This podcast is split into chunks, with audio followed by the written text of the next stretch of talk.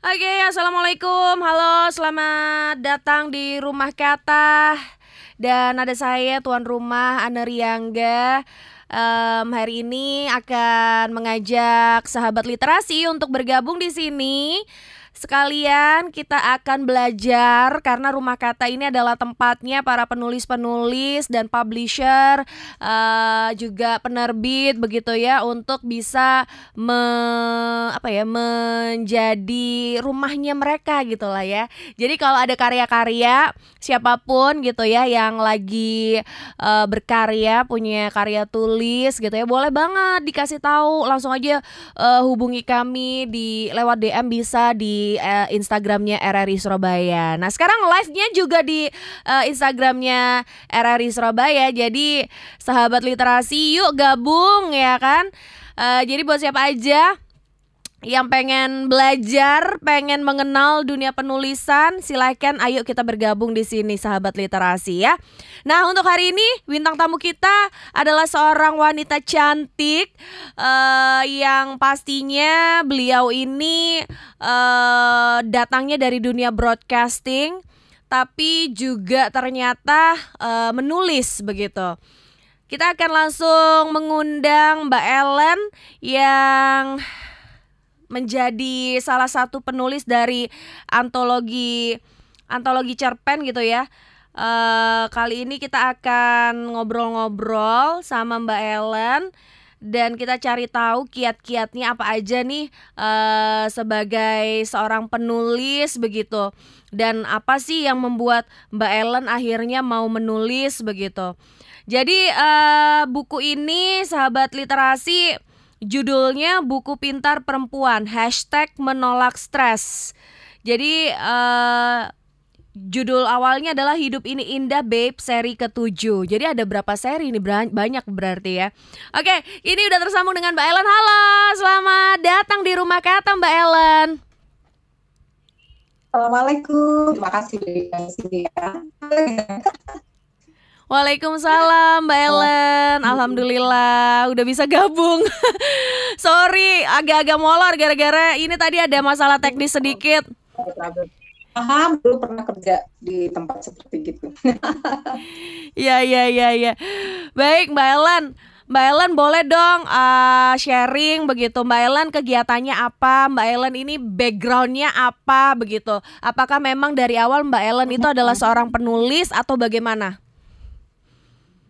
Oke, terima kasih Anda juga selamat ya untuk ini untuk radio ya. Sahabat literasi, ya baik. Sahabat literasi, baik. Uh, perkenalkan saya saya beberapa itu saya di Pemuda, saya siap di beberapa radio, kemudian juga marketing dan juga sempat uh, kerja juga sebagai marketing rumah sakit Surabaya kemudian dalam uh, waktu uh, kemudian saya punya banyak promosi di radio kemudian uh, klien nah itu dia salah satu dari itu ada seorang penulis yang uh, awalnya beliau juga klien kami beliau bekerja di BUMN Surabaya. Nah tapi karena cita-cita dia itu ada ingin menerbitkan buku ingin semangat banget untuk menginvestasi artinya mengajarlah teman-temannya untuk namanya nih ayo kita gabung gitu. Nah namanya itu adalah Mbak Wina nah kemudian Mbak Wina ini beberapa buku novel dan cerpen dan sebagainya. Uh, no, udah belum ya? Uh, belum deh ya. Terus habis itu uh, kami dikumpulin dalam uh, satu komunitas penulis perempuan kak. Hmm. Jadi awal-awalnya itu sekitar tahun 2014 hmm. kami tuh bergabung dalam satu buku yang namanya Hidup Ini Indah. Jadi kalau tadi tanya ini sudah yang ketujuh, ini yang ke satu. Oh. Tahun 2014. Oke okay, oke okay, oke. Okay. Iya. Jadi ini saya kerjakan dulu waktu masih kerja di media radio gitu. Saya hmm. waktu itu bareng-bareng dengan teman-teman yang lain dan, hmm. di sini tidak semuanya penulis Kak. Jadi sini beragam. Masal perempuan yang ini yang kita ingin uh, menyampaikan sesuatu yang menyemangati perempuan-perempuan Indonesia. Jadi makanya di sini adalah kisah-kisah inspiratif perempuan Indonesia. Hmm. Bermula dari ini gitu. dan ini berhasil uh, mendapatkan sekitar lima uh, puluhan penulis lumayan banyak nih. Wow. jadi ini antologi, uh. antologi. Jadi ada uh, jadi kecil-kecil gitu ya uh, tulisannya maksimal mungkin lima halaman gitu jadi hmm. uh, kita semua uh, di apa namanya diseleksi akhirnya loloslah 50 penulis ini di buku hmm. uh, Hidup Indah Pips yang pertama itu tahun 2014 hmm. kita kemudian menyusul Hidup ini Indah Bib yang uh, kedua gitu waktu itu Mbak Mina sudah bekerja sama dengan salah satu organisasi perempuan di Surabaya hmm. uh, untuk tentang benar gitu. Ini tentang perempuan pengusaha unit UMKM di Surabaya dan sekitarnya. Yang kedua, tapi saya nggak tahu di sini, saya cuma baru gabung yang pertama. Hmm. Kemudian yang ketiga itu juga di yang tiga. Uh, aku memilih bahagia. Ini buku untuk uh, uh, single family jadi tidak harus wanita single, tetapi mungkin dua single juga ada, kemudian single juga ada, uh, ini isinya tentang uh, aku bahagia bagaimana soalnya menikmati uh, hidupnya walaupun dan misi yang segala itu sangat sekali dan saya juga belum bagus tapi banyak sekali penulis yang bagus yang menulis di sini. Kemudian yang keempat tentang uh, serial ayah nah ini saya gabung di sini ini oh. uh, hidup ini indah beb yang keempat. Mm-hmm. Ini lelaki pertamaku. Ini tentang uh, kisah-kisah seorang perempuan bersama ayahnya. Wah ini mengharu biru. Jadi sempat nah ini kita luncurkan sebelum pandemi. Jadi kita masih ada event di mall dan sebagainya ayah-ayah dari para penulis. Mm-hmm. Kemudian juga cerita-cerita seru bagaimana pengalaman seorang anak perempuan mm-hmm. yang menceritakan tentang ayahnya macam yang itu deh pokoknya ini seru banget ceritanya kemudian meluncur lagi yang ke hmm, berikutnya adalah ini ini jalan ini yang ke ini cari pembangunan jalan uh, harus di Indonesia ini sudah pandemi waktu kita bikin udah pandemi saya gabung ya di sini jadi hmm. sakit orang yang pulang ceritanya lagi di, di Indonesia bisa itu di, di jalan ada yang mabuk udara waktu itu apa suka jet lag gitu apa gitu jadi bukan saya ini berjalan seru-seru di di laut ombak beberapa hari begitu gitu terus jadi seolah-olah ini kita berwisata karena waktu itu masih nggak boleh kita udah berlaku gitu ya awal-awal pandemi itu hmm. jadi dia uh, sekitar 24 penulis juga yang ada di sini. Mm-hmm. Berikutnya Mbak Wina ke demi ini jadi setelah buku ke lima tadi muncul mm-hmm. buku ke enam mm-hmm. penasaran ayo kita uh, mengumpulkan katanya itu uh, dokter-dokter gitu supaya oh. mereka berkisah pada saat mereka itu praktek di uh, apa namanya waktu praktek di daerah-daerah pedalaman, hmm. di pelosok-pelosok atau kisah-kisah seru apa aja hmm. yang terkait dengan dokter. Nah, ini seru juga karena di sini juga ada uh, berapa puluh dokter ya mungkin sekitar eh, uh, 20 atau 30 dokter yang bergabung di sini menceritakan kisahnya. Hmm. Tentu saya nggak ikut kalau di sini karena bukan dokter. Iya yeah, iya. Yeah, Kemudian yeah. barulah buku yang ini yang ketujuh. Hmm. Jadi ini buku Pinta Perempuan Merakres. Mungkin pandemi sudah ada uh, turun, tetapi hmm. dampaknya kan sampai hampir dua tahun ya. Iya yeah, ada betul. yang uh, mungkin aktivitasnya berhenti, kemudian ada yang terdampak COVID, kena COVID, hmm. kemudian ada yang uh, apa namanya stres karena ya gitulah. Jadi hmm. uh, berasal dari bagaimana sih kita selama dua tahun ini uh, hidup di masa pandemi ini dan itu tertuang dalam uh, buku ini uh, dan setiap kali buku hidup ini Habib itu selalu ada kayak seksi awal jadi tidak langsung kita bisa nulis gitu enggak jadi media publisher yang dimiliki oleh Mbak Bina tadi itu hmm. uh, lalu mengumumkan kita bikin tema ini nih siapa yang mau menulis gitu nah itu semua terus kirim-kirim naskah sekitar satu atau dua bulan mengumumkan siapa yang tulisannya bisa masuk lolos ke buku yang mau terbit hmm. tetapi eh, nggak uh, gampang akhirnya tetap di apa namanya di coach di coaching kita itu supaya tulisannya lebih bagus hmm. diedit-edit gitu hmm. kita dikasih editor itu beberapa supaya hasil tulisan kita itu maksimal hmm. jadi artinya kalau mau menyemangati teman-teman sahabat literasi nggak usah takut menulis karena carilah publisher uh, atau juga penulis senior yang anda kenal hmm. anda bisa belajar dari mereka dan kemudian nanti kita akan uh, tersemangati gitu. Artinya nggak apa namanya kita akan dituntun bagaimana supaya bisa membuat tulisan yang bagus. Hmm. Untuk sementara saya sih nulisnya esai aja sih gitu, belum sampai buku yang uh, penuh gitu karena harus belajar lebih banyak lagi. Sebenarnya sudah ada keinginan itu kak. Mudah-mudahan ya didoakan aja. Amin, amin, Soalnya amin, amin. Mulai menulis itu sesuatu yang sulit. Kalau udah jalan sih enak gitu, tetapi awalnya gitu ya kadang-kadang memulainya itu agak susah ini kalau nggak bareng-bareng ya mungkin nggak selesai-selesai. iya betul betul gitu, betul. Tapi kita bahas yang ini aja ya yang uh, buku pintar. Karena tadi udah uh, itu lumayannya kenapa sampai sampai yang ketujuh dan ini ke delapan sebelas lagi disiapin loh. Wow, udah ada mau yang ke delapan juga. Keren keren keren. Ada ada ada Ya lanjut pokoknya. nah ini pertanyaan saya jadinya begini Mbak, kayaknya kok mudah sekali ya mendapatkan apa banyak penulis-penulis itu akhirnya tergabung begitu. Apakah uh, apa ya? Bagaimana cara menggerakkan uh, teman-teman penulis, uh, teman-teman yang backgroundnya bukan penulis, maksud saya akhirnya mau nulis begitu? Ya, itu harus ditularkan memang Kak. Jadi kalau kita nggak bercerita, kita tidak menggemborkan bahwa kita menulis, bahwa menulis itu manfaatnya apa, bahwa uh, menulis itu akan menjadi prasasti seperti juga yang disampaikan oleh uh, pendiri Pat Media Mbak Wina tadi itu, itu emang nggak bisa karena uh, biasanya orang hanya ingin tetapi malas bergerak. Nah di Pat Media ini kita dikumpulkan dalam satu komunitas. Jadi hmm bersyukur kita selalu dikelilingi orang-orang yang uh, selalu semangat untuk menulis. Ini sama pandemi aja uh, kita di komunitas itu pernah itu tiap minggu bikin bedah buku, bedah naskah, kemudian ada training training menulis, apa menulis esai, menulis cerpen, menulis puisi, menulis fiksi. Mm. Jadi uh, terus di semangat itu dan kita mencari terus.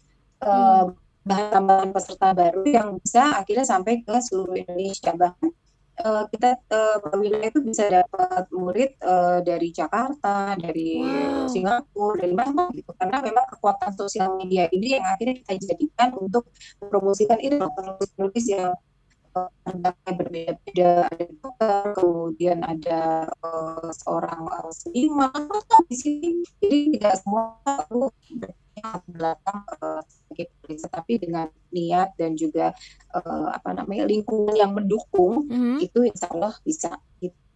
Jadi itu terus-terusan. Jadi kita sejak tahun 2014 itu komunitas menulis media itu terus mm-hmm. bikin uh, apa namanya gebrakan-gebrakan terus mengajak perempuan dengan tema-tema sesuai karena tadi kan kita akhirnya buku-buku uh, dari uh, ini kan hmm. uh, menjurus dokter. Nah, hmm. terus supaya teman-teman dokter juga semangat untuk uh, menulis. Nah, hmm. kemudian juga untuk teman-teman yang uh, nah yang akan datang ini kayaknya bukan dan ini tapi memang didominasi oleh perempuan.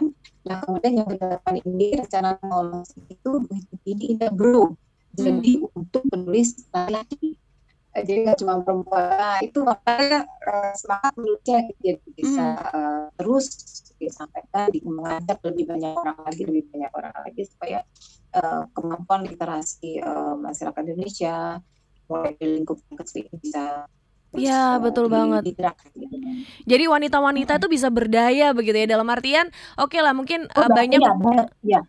Ya, jadi uh, wanita-wanita itu kan uh, bisa lebih berdaya lagi jadi bisa uh, di sebenarnya wanita diciptakan tuh multi talented gitu kan. Jadi walaupun uh, jadi ibu rumah tangga juga bisa berkarir dan juga ternyata bisa punya karya gitu kan. Nah mbak Ellen ini seperti saya tertarik sekali nih. Maksudnya uh, untuk pet media ini sendiri mungkin bisa berkolaborasi dengan rumah kata gitu ya. Dalam artian begini kami akan menjadi media di mana uh, ketika ada karya-karya dari uh, pet media ini bisa dipublish di sini juga gitu. Senang banget deh pokoknya kalau nge-share masalah tulisan-tulisan gitu. iya benar-benar Iya, iya, insya Allah, insya Allah. Nanti uh, bisa lewat komunitas yang namanya Perlima, perkumpulan uh, penulis uh, perempuan hmm. atau juga lewat plat medianya juga bisa karena memang alhamdulillah sejak pandemi yang kita kira itu kondisinya akan membuat kita down, membuat hmm. teman-teman penulis itu uh, tidak semangat. Ternyata enggak, justru Mbak Wina dan teman-teman ini dari Pat Media semangat malah mencetak buku lebih banyak di masa pandemi ini. Iya, iya Karena iya, mungkin lebih banyak waktu ya para penulis ini di rumah untuk menulis, hmm. semangati ikut kursusnya juga ada, short course-nya juga ada. Jadi uh, justru di situlah uh, semangatnya akan muncul gitu insya Allah uh, nanti bisa kerjasama nanti saya kenal Asik. Oke oke. Jadi ini ya sahabat literasi Mbak Ellen uh, mungkin kalau mau update terus um, rumah kata gitu ya bisa lewat uh, Instagram RRI Surabaya uh, dan juga bisa lewat YouTube juga RRI Surabaya dan podcast kami ada di Keluarga Angkasa. Oke. Setiap hari Rabu ya tayangnya ya. Eh, uh, Rabu Jumat. Nggak harus Jumat sih sebenarnya. Jadi uh, random oh, kita. Uh, uh, uh, uh, nanti bakalan ada apa namanya diumumin terus sih. Oke, Mbak Ellen, kesulitan-kesulitan dalam menulis itu sebenarnya apa sih? Apalagi buat kita-kita ini yang orangnya bukan backgroundnya penulis. Wah, tapi kalau Mbak Ellen, Anda yakin sih orangnya kan pandai berbicara. Apakah juga pandai menulis gitu kan?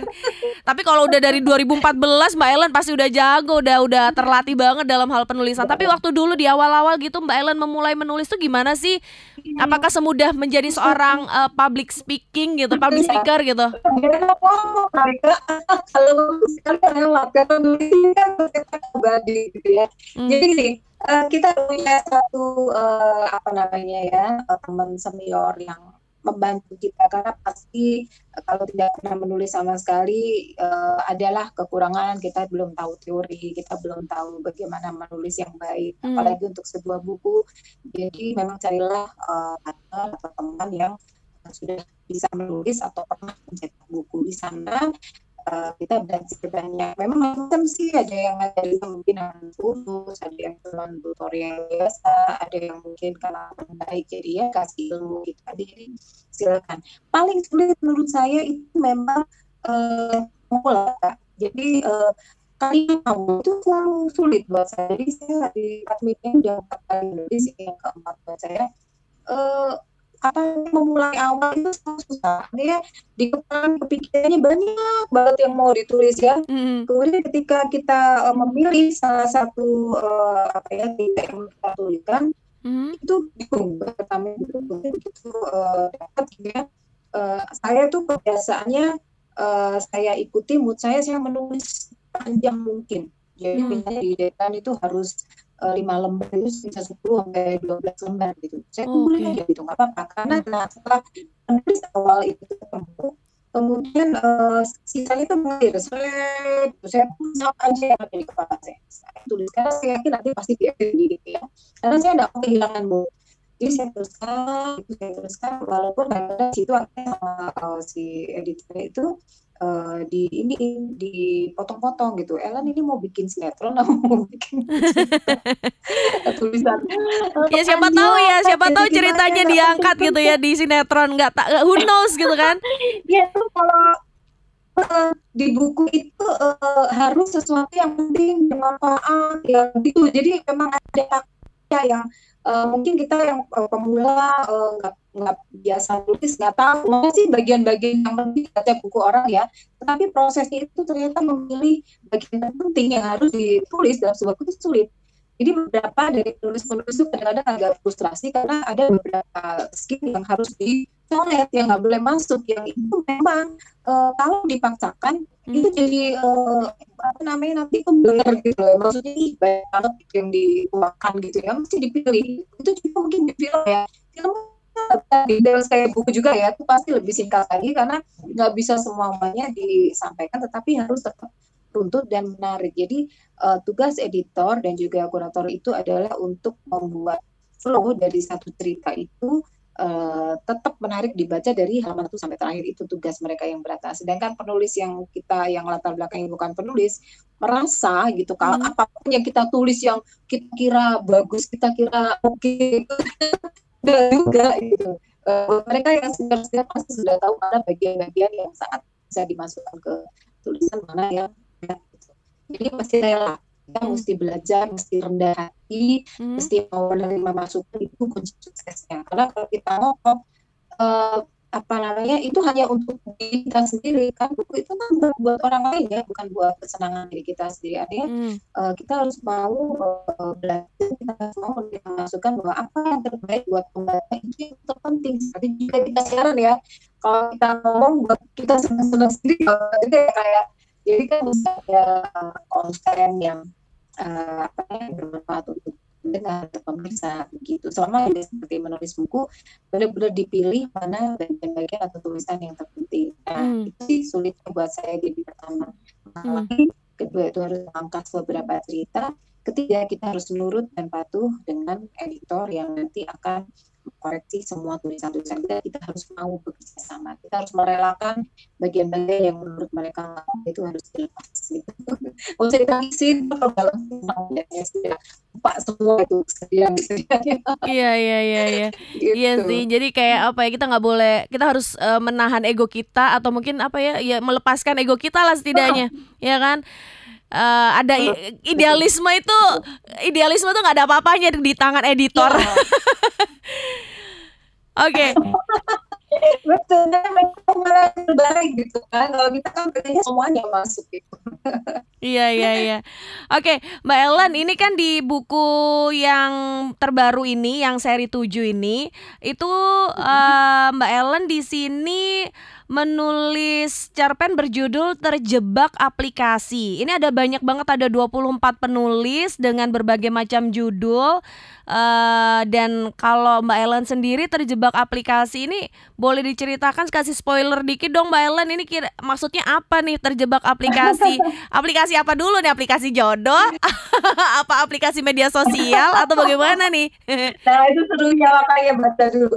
Jadi ini kan semua kisah-kisah para perempuan yang mengalami uh, kurang lebih dua tahun sakit dengan berbagai kisahnya. Hmm. Udah-udah sih saya udah mengundang mereka untuk bergabung. Ada 24, ada Kak Avariana, Kak Bani Zagia, Kak Barbara ini, Didi Kayat, Dwi Endang, Dwi Katania, hmm. Kak Vivin, kemudian ada mantan uh, penyiar juga Kak uh, Yeni Sampurno, hmm. kemudian ada Kak Wina Bojonegoro juga menulis di sini, ada Kak Vivit Sambas, ada Kak Sylvia, Kak Stefani, Dr. Stefani, Uh, kemudian ada Bu Wilis, Arif Afandi, kemudian uh, Mbak Yani, hmm. kemudian ada Mbak Intan, Aida, dan Mbak Intan Esti. Jadi semua di Effendi juga.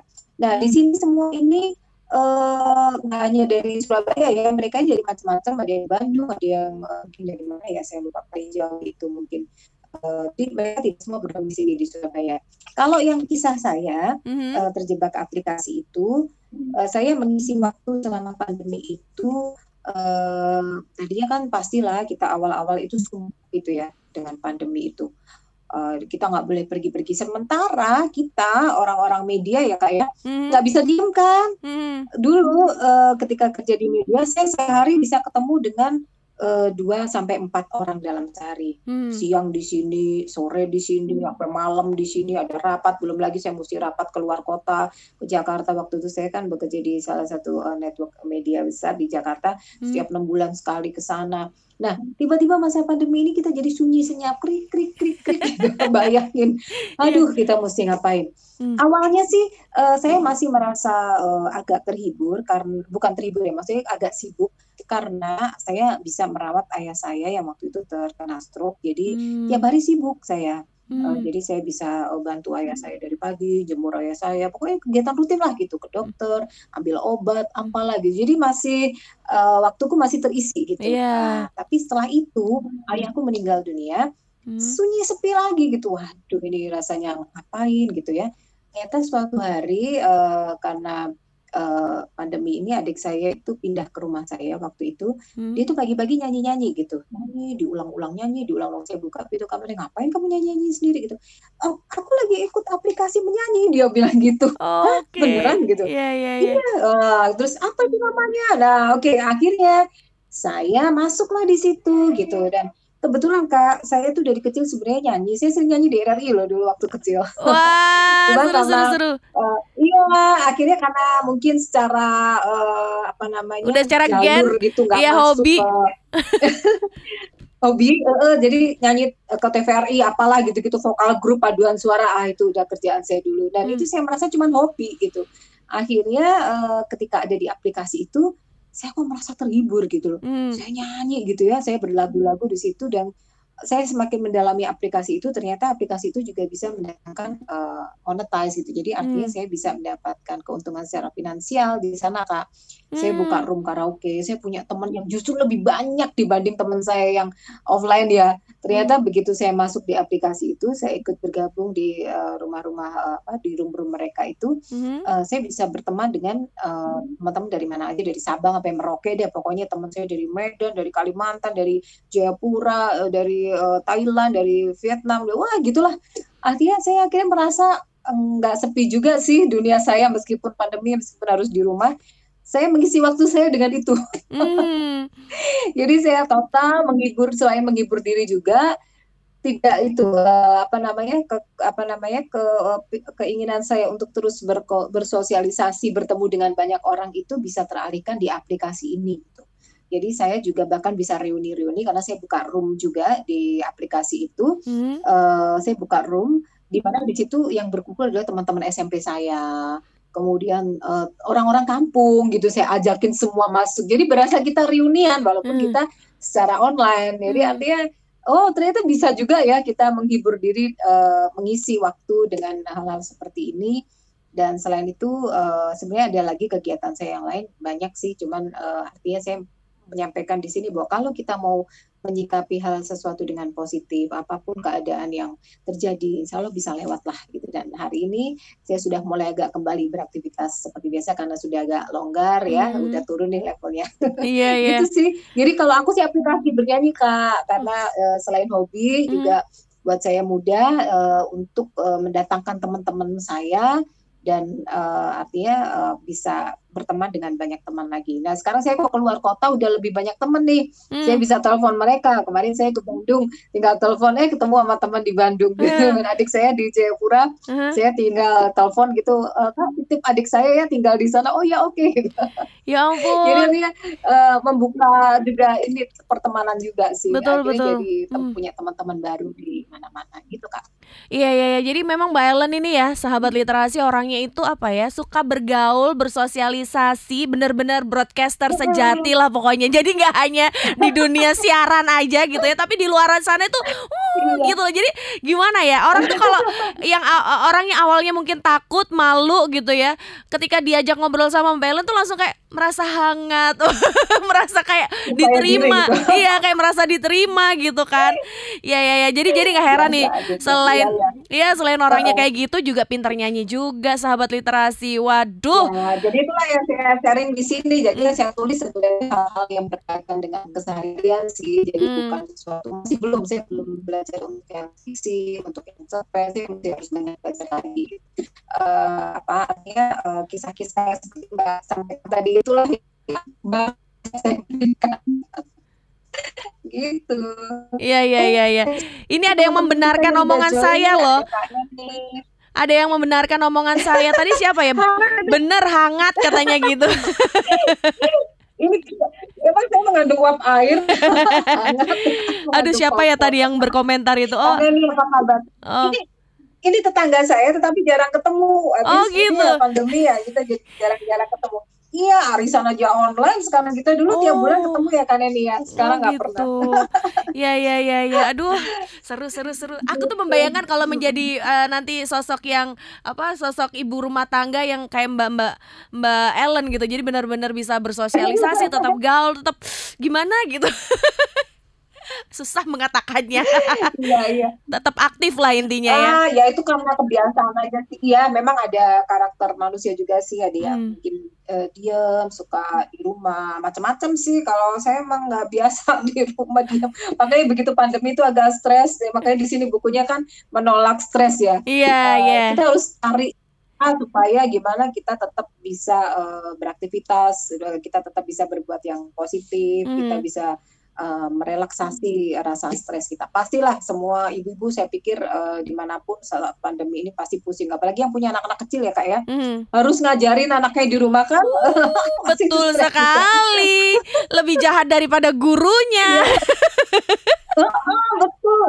Apa itu uh, Mbak Bina dari Empat Media makanya bikin ini tuh supaya uh, berbagi lah Mbak dari 24 penulis ini hmm. uh, supaya uh, bisa sharing bahwa Anda nggak sendiri loh, lo hmm. perempuan gitu. Jadi uh, banyak kisah-kisah di sini mungkin cara-caranya bisa ditirukan ada yang olahraga kemudian hmm. ada yang mungkin uh, outing gitu ya. hmm. luar ada yang bernyanyi ada yang main gitar juga di sini kayak hmm. saya nyanyi-nyanyi kemudian ada yang kena uh, sempat terpapar covid itu dua minggu di ruang yang sunyi hmm. ternyata di situ justru menemukan hikmah kedekatan dengan Tuhan dan sebagainya begitu kisahnya kak oh gitu ini ada yang titip pesan nih ya. tanya Mbak Ellen dulu pernah di Pro 2 Metro ya katanya gitu Ya Allah, itu zaman dulu banget. Itu cuma sekejap saja. Cuma sekejap. Ada salam dari Mas Wahyu Oye. Ini Mas Wahyu Oye orangnya. Oh iya iya. Oh, dia ini yang dari tadi aku cariin ya dia ini Mbak Ellen. Dari tadi dia ngilang. Dia lagi ada di Pro 2 lagi benerin uh, apa make uh, masang alat barunya Pro 2 menghilang dia nih marahin Mbak ingat itu ya? Iya. Hilang itu orangnya inget banget. Iya Mas Ayu. Zamannya Pak Agus ya kalau nggak salah. Pak Agus ya, ya? zamannya iya uh, Pak Agus. Ya katanya gitu. Ya, almarhum sekarang ya, udah. iya betul almarhum betul iya. beliau lah yang mengumpulkan kami waktu itu hmm. uh, masih remaja-remaja sih masih remaja-remaja sih katanya Pak uh, Pak Tauhid juga oh. ada empat orang ada Kak Febri, ada saya, ada siapa lagi kalau saya lupa ada sekitar empat orang yang waktu itu di Pro 2. Uh -huh. Saya tuh siarannya kalau nggak salah siaran kayak hits-hits lagu gitulah waktu itu. Terus kemudian saya keterima di tempat lain, jadi saya mundur. Mundur, ya ampun. ya Allah senior, seniorku ternyata. Kok baru tahu sih? Terima kasih atas silaturahmi kita yang tetap terjalin. Kak Wahyu nanti lain kali saya main ke sana deh. Iya iya iya. Tahun ya, 92 katanya Mas Wahyu. Oh ya Mas Wahyu oh ya ini kalau masalah iya, aduh, biografi dia Jadi ketahuan umur ketahuan umurnya Kak. Ya Allah. ini tadi udah ada gabung juga Mas Didi. Hai Mas Didi. Mas Didi ini juga salah satu penulis oh, iya, di di buku ini ya. Uh, menulis stres lama versus stres baru betul. Apa itu Mas Didi? Mas Didi yang yang yang ini bukan? Bukan ya? Uh, mungkin apa itu yang ke ke delapan ya? Soalnya saya nggak ngikut yang hidup ini indah bro. Kayaknya mau launching uh, sepertinya Mas Didi ada mungkin ya. Apa yang ke delapan ya mungkin ya? Ini karena itu kan untuk laki-laki jadi saya nggak terlalu tahu Oh gitu. Gimana? Oh ya ya ya. Di sini nih ada tulisannya Didi Cahya MC dari Surabaya. Judul oh, bukunya oh, eh, judul itu perempuan Kak. Didi Cahya itu. Heeh, uh, maksud Kak kirain Mas Didi. Kak Didi Cahya memang menulis di sini. Beliau oh. itu juga sebagai oh. editor dari uh, penulis-penulis. Oh. Gitu. Maaf Mas Didi. Habis namanya Kak Didi. Didi. Didi. Iya Didi. iya mirip kok. Oh, ini Didi Adiaksa, ini Didi Cahya. Astaga. Iyo Sri Cahyaning dia Sri Cahyaning Tias. Uh. Nah ada Didi Adiaksa, ada Didi Cahya. Uh. Oh, dua memang kalau penyiar seangkatan kita dulu Didi Adiaksa itu wah senior saya lah dia sih. Iya benar-benar. Hai Kak Didi. Halo Mas Didi. Ini kok penyiar ngumpul di sini kok ya ada apa tuh ya? Ini lama Mbak Didi. nostalgia ini nostalgia iya. Aduh. nah ini aku aku menikmati wanita-wanita cantik iki jari ini gitu. Mas Didi kapan Mas Didi juga nulis nih? ya. iya Mas Didi nih diajak iya, nulis iya, juga ya? Iya iya dia memang uh, sebagai senior yang juga uh, apa namanya masih aktif saat ini di dunia broadcast seharusnya dia sudah punya satu buku sendiri nih Kak Didi. Ayo Kak Didi ditunggu ayo, ya. Ayo ayo ya ya ya ya. Oke deh. Jadi gini Mbak Ellen dari ceritanya Mbak Ellen itu kan uh, apa namanya Mbak Ellen dari seorang background broadcasting banyak banget lah pokoknya Mbak Ellen ini uh, bisa bisa apa aja lah serba bisa. Saya sampai mau bertanya Mbak Ellen nggak bisa apa sih yang nggak nggak nggak bisa itu apa sih sebenarnya yang nggak bisa dilakukan dilakukan sama Mbak Ellen? bisa masak, nggak sempet soalnya. nah itu tuh, pokoknya bisa banyak di luar rumah. Iya benar. Ya, nggak nggak itu betul. Emang ya maksudnya itu karena faktor karena nggak sempet aja. Hmm. Sebenarnya nggak nggak serba bisa juga sih kak. Artinya ketika kita itu uh, melakukan hal yang kita lakukan dengan senang hati dan yang kedua saya itu kadang tidak uh, maaf ini tidak terlalu uh, komersil kadang-kadang hmm. begitu. Sehingga akhirnya saya bisa mudah uh, untuk mengikuti apa yang saya inginkan. Jadi uh, kadang-kadang kan uh, saya tidak pernah menghitung. Misalnya saya mesti MC atau saya mesti nyanyi ke satu acara. Itu saya lakukan karena passion gitu. Jadi saya lakukan hmm. karena saya suka. Jadi kadang-kadang kalau teman saya Ellen berapa gitu? Enggak gitu. Jadi terkesan memang tidak profesional gitu. Tapi uh, ada rasa kepuasan dalam diri itu yang nggak bisa saya hargai. Dan itu menurut saya uh, itu yang paling penting buat hidup saya. Seperti juga menulis ini sebenarnya saya juga tidak terlalu kayak oh ini harus terjual gitu gitu tapi memang itu diajarkan harus uh, karya kita harus dihargai memang betul. Tetapi awalnya kita melakukan ini adalah untuk uh, apa yang kita bisa yang kita berikan untuk orang lain. Gitu aja sih kak. Hmm. untuk menghibur ya. Kalau kita ini kan memang hmm. uh, dunianya kan dunia uh, entertain gitu. Hmm. jadi bagi saya menyenangkan orang lain itu adalah hal yang uh, penting buat saya. Itu aja. Hmm. uh, apa namanya untuk orang terdekat gitu. Dan sekarang kalau menulis buku ini kan untuk uh, pembaca untuk orang-orang yang lebih uh, lebih jauh lagi jangkauannya dari saya. Siapa pun hmm. bisa membaca tulisan saya. Itu kak awalnya sih. Iya iya iya iya. Cuma pengen uh, berbagi ya kan harus bermanfaat gitu kadang hidup uh, menurut saya itu kalau kita uh, sebisanya kita bisanya ngomong ya apa yang kita sampaikan gitu. Kita hmm. bisanya nulis ya itu yang kita bisa sampaikan. Bisanya nyanyi ya uh, bisa menyumbangkan suara nyanyi ya, ya kan? Uh, itu iya uh, sesederhana itu dari karunia Tuhan apa yang diberikan kepada kita itulah yang kita berikan kembali. Mudah-mudahan bisa membawa manfaat Oke. Gitu iya iya iya. Jadi itu ya sahabat literasi e, cerita singkat dari Mbak Ellen yang apa ya memang e, bisa kita panut, kita teladani adalah apa yang bisa kita lakukan ya kita lakukan aja apalagi bermanfaat buat orang lain. Wah. ya ya ya. Kita tunggu karya berikutnya Mbak Ellen. Uh, nanti datang lagi ke rumah kata ya. ya.